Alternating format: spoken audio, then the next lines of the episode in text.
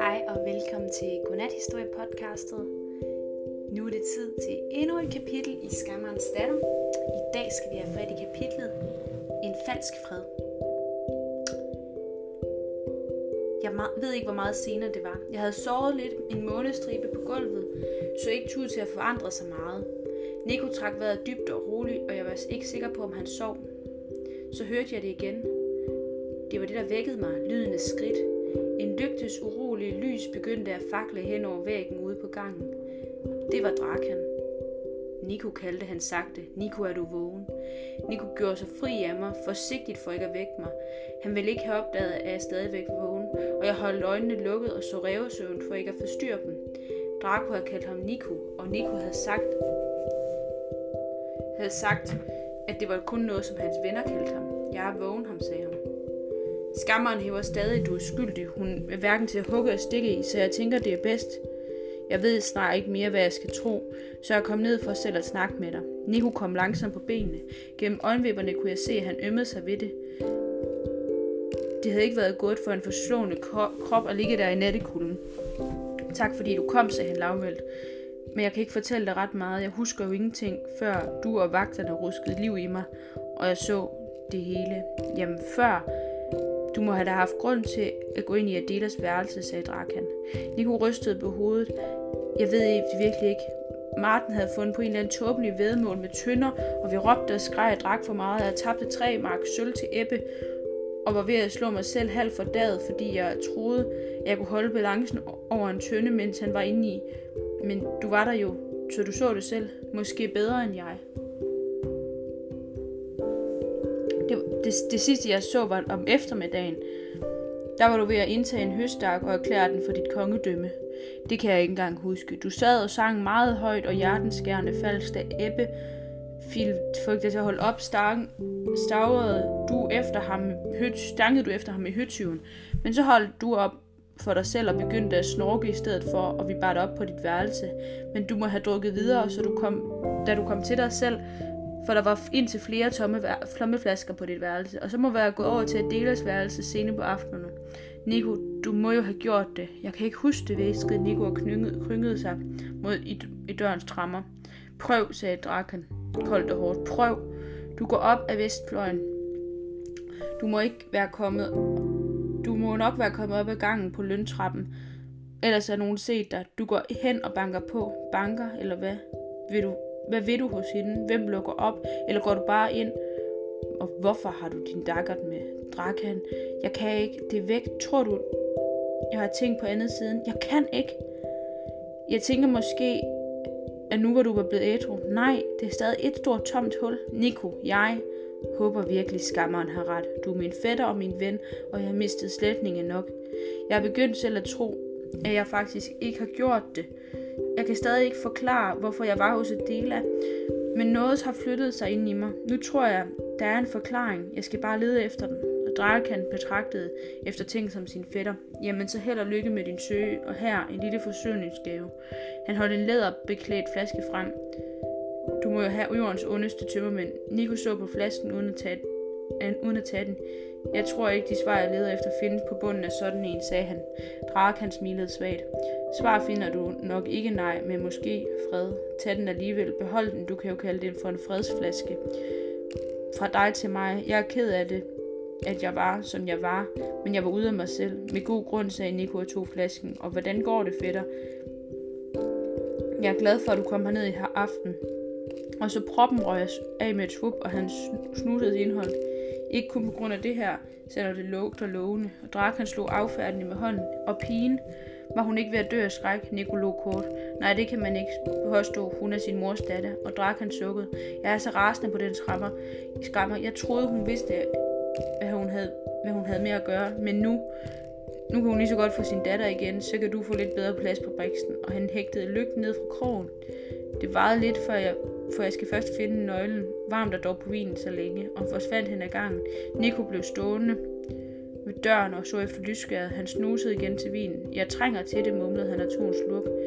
Det tog tid før drak han fandt nøglen. E, Nikos ene sluk blev til fem og så ti. Tror du ikke, du har fået nok, spurgte jeg. Hvorfor skal du blande dig i det, sagde Nico. Ikke rigtig vredt, men alligevel irriterende. Du sagde det selv. Svarene findes man, finder man ikke på et bunden af en flaske. flaske. Helle i tryne, næsten i, næsten i sky som din mor. Hans stemme var al- allerede blevet en lille bitte smule uskarp og en smule grødet. 10 slurke, 11 nu. Kunne det passe, at han var fuld så hurtigt og så let? Nico, stop. Går det ikke for stærkt? Det kan ikke gå for stærkt. Livet er så kort, så, og så længe man død.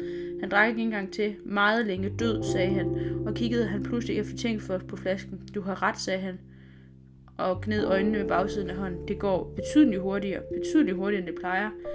Giv mig den, sagde jeg, og rakte ud efter flasken. Min, mumlede han, ligesom Melly derhjemme, hvis man ville tage et eller andet fra ham. Min flaske, min død, drak han gav mig den. Jeg stillede mig op foran ham, midt i månestriben. Se på mig, sagde jeg. Ikke igen, bad han. Så lavt som det næsten bare var et klønken. Se på mig. Han nævede langsomt blikket, ikke fordi jeg sagde det, men af egen fri vilje. Hvad end der var det galt med ham, var det i hvert fald ikke den slags mod, han manglede. Månen skinnede på den ene side af hans ansigt, og hans øje var så mørke, at det lignede huler. Men et sted inde i hulerne var der lys, et lille bitte glimt af lys, og jeg stirrede på det lys, og der skete noget mærkeligt i hovedet på mig. Billederne begyndte at vokse i mit mørke. En slank, mørkhåret dreng, lige fyldt otte samme morgen, stod i skyggen og så på hans storebror vandt et vedløb, højt og stolt, overskreves på en slang, svedig hest, der skinnede af kover, som kover i solskinnet. Folk klappede og jublede, og fyrsten gav drengen storebror en kniv og en mandlig klap på skulderen. Den mørkhårede dreng, lidt ældre nu, lå med ansigtet mas ned mellem bruststenen i arsenalgården, mens hans bror sad på ryggen af ham og råbte. Giver du op? Nå, Nico, lille Nicoline, giver du op? 13-årige Nico stod foran spejlet i fægtesalen med hævet kåret, drivende af sved og og dirrende af træthed, mens fægtemesteren slog ham med sin stok, hver gang han kom til at strække armen eller runde ryggen. 14-årige Nico stirrede ned på en af Dunaks kanaler og svingede sværet over hovedet, indtil han sidst kastede det så langt ud i vandet, han kunne. Den blanke kvinde klinge sank ned på det grønne vand og forsvandt mellem alger og mudder, og lettelsen strømmede gennem drengen.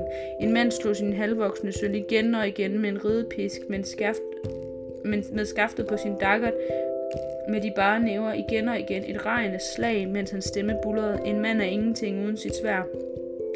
15-årige Nico mødte sin brors kone for første gang og stirrede på det rødgyldne hår, de grønne øjne og smilende læbner og forelskede sig og viskede Adela ind mod halen af sin hest, halsen af sin hest om dagen og ned i sin pude om natten. Adela, Adela, Adela. Og 16-årige Nico drak sig fuld og klovnede og skabte sig, så salen rungede af latterne, og mændene stod ham på ryggen og gav ham mere vin, så hans klovnestreger blev endnu vildere. Og det eneste, der ikke lå, det var hans far og så Adela, og hans far, hvis øjne lynede af raseri op i for bordenden, og Adela, som så væk og bøjede hovedet, så hendes rødgyldne hår faldt ned og skjulede hendes medlidenhed. Og Nico tog sin anden kæreste, så andre kærester, og pigerne forelskede sig i ham, men han følte ingen varme, når de så på, og ingen glæde, når de tog hans hånd men han brugte dem til at vise verden, at hans bror og hans far, at der var noget, at nogen ville have ham, og nogen kunne lide ham. Han drak og klovnede og gik om kul og rejste sig og klovnede og drak igen, for det alt sammen var ligegyldigt, fuldkommen ligegyldigt. Og så var det mørkt igen, og månelyset, og månelyset glindrede i spor af tårer, der løb ned i Nikos enkæng. Du er et ret nådeløst spejl, Midamina, viskede han. Man ser billederne meget tydeligt. Det gjorde ondt i hovedet, et sted bag mine øjne. Jeg vidste, at hvad jeg havde set var sandt, og han, han havde set det samme med mig. Han havde tabt flasken, og resten af dens indhold flød på gulvet, uden at han bemærkede det. Hun vend, han vendte sig væk og fumlede i mørket efter det tomme spand. Så satte han sig på kæ og stak en finger i halsen, til han brækkede sig. Jeg sank og sank igen. Når Darwin eller Melvin var syg, kom jeg nogle gange til at kaste op, fordi de gjorde det. Jeg turde ikke gå hen til ham, turde ikke røre ved ham eller hjælpe ham. Jeg var bange for, at noget ville gå for galt for mig også. Endelig holdt han op. Han tog en håndfuld vand fra den ene spand og skyllede i munden, og så satte han sig på briksen og tog mit forklæde, der stadig lå der, og tørrede han sig i ansigtet. Undskyld, sagde han. Jeg ved godt, det ikke er særlig behageligt at se og høre på, men det, er det, men det er det mindst effektivt. Han lænede sig tilbage mod væggen og sank. Hans ansigt glintrede af sved mod i månelyset. Nej, hvor har jeg det elendigt. Guds retfærdige straf over drukkenbolde. Hans åndedræt blev hurtigere og hæftigere, og man kunne se hans brystkaste steg og faldt. Mor siger altid, at man skal prøve at trække vejret roligt, så får man det bedre. Det skal nok passe. Din mor er en klog kone. Han gjorde sit bedste for at ånde dybere og langsommere. Men det viste sig ikke at være så let. Han rejste sig halvt op, men faldt sammen igen på briksten. Jeg tror, jeg skal lægge mig lidt ned. Gør det. Jeg blev stående, hvor jeg stod halvvejs mellem vinduet og døren. Min egen kvalme havde lagt sig igen, men jeg følte mig pludselig generet over ham. At se billederne ind i hans hoved på et andet menneske, det var underligt. Som om man kom til at se dem uden tøj, bare være, at kigge ind i deres hemmeligheder og vide ting, man aldrig, de aldrig havde fortalt til nogen. Jeg begyndte at forstå, hvorfor min mor var tavs og træt, når hun kom hjem efter at have været ude og være skammer. Og nogle af de hemmeligheder, hun havde set, havde været værre end Nikos. Var det ensom, spurgte Nico stille for Brixen. Jeg mener, at vokse op med øjne som dine. Det kan ikke være let at få venner, når der ikke er en, der vil se en i ansigtet uden at rødme. Jeg har ikke mange venner. Ikke nogen overhovedet faktisk, men det kunne jeg ikke lige at sige. Men jeg har min familie, mor og Melly og min storebror Darwin, og så kom jeg til at tænke på hans storebror. Giver du op? Nå, Nico, giver du op? Og Adela, som jeg har set levende og smuk i Nikos huskebilleder, som nu lød kold og død og mishandlet på borgen. Ja, familie. Nu hvor du ved det meste, er du så bare, er du stadig ikke bange for dit monster. Jeg måtte lige mærke efter, for nogen, noget havde ændret sig, det var klart. Jeg havde set misundelsen i ham og raseriet og kulden og ligegyldighed og den forbudte, håbeløse kærlighed til Adela. Men ikke mor, ikke blod og ikke døde kroppe. Han, havde, han var hverken kold eller ligegyldig over for mig. Jeg svarede ham ikke med ord. Jeg satte mig på gulvet ved siden af Brixen og tog hans hånd. Så modig du er, sagde han. Da jeg var på din alder, var jeg bange for næsten halvt. Han trak stadig vejret alt for hurtigt, og hans hånd var glat af sved. Dina, hvis jeg falder i søvn, inden Drakan kommer tilbage og henter dig, så kan det godt være, at du ikke kan vække mig. Måske ses vi ikke igen. I eftermiddags troede jeg, at det her var den sidste aften, og at det vil blive et helvede. Det bliver det ikke. Jeg takker dig. Jeg blev pludselig kold over det hele. Hvad mener du? Den her sidste aften? Hvorfor skulle det være den sidste? Mor ved, du er uskyldig, og selv Drakan er begyndt at tro. Den, det trak lidt i hans mundvige, et smil, en masse. Drak han tror heller ikke, jeg er uskyldig. Jamen han sagde da, Drak han tror, jeg gjorde det. Men din mor har fået, har fået ham overbevist om, at jeg ikke var med min fulde fem, at jeg ikke var mig selv. Og selv har Drak han sin egen form for noget. Nå, noget? Nico, hvad mener du? Det går ondt at blive halshugget, siger de. Jeg har aldrig været særlig modig. Det her, hvad end det er, at Draken har kommet i, i fredsflasken, så er det i hvert fald smertefrit. Nico, gift. Det var gift, han snakkede om. Den fredsflaske, den var dødens fred. Det var det, man kunne finde på bunden. Sæt dig op.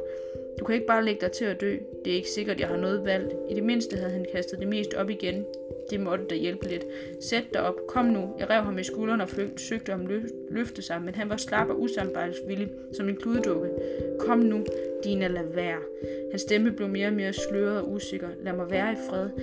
Ja, Dina, lad ham være. Jeg stivnede. Det var Drakans stemme. Han var kommet tilbage, og han havde ikke taget nogen lygte med. Jeg havde ikke hørt ham. Hvor længe havde han stået der og lyttet i mørket. Og det var altså dagens godnathistorie-kapitel.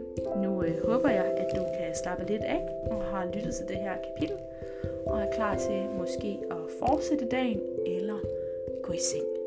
Sov rigtig dejligt, og lyt med igen i morgen.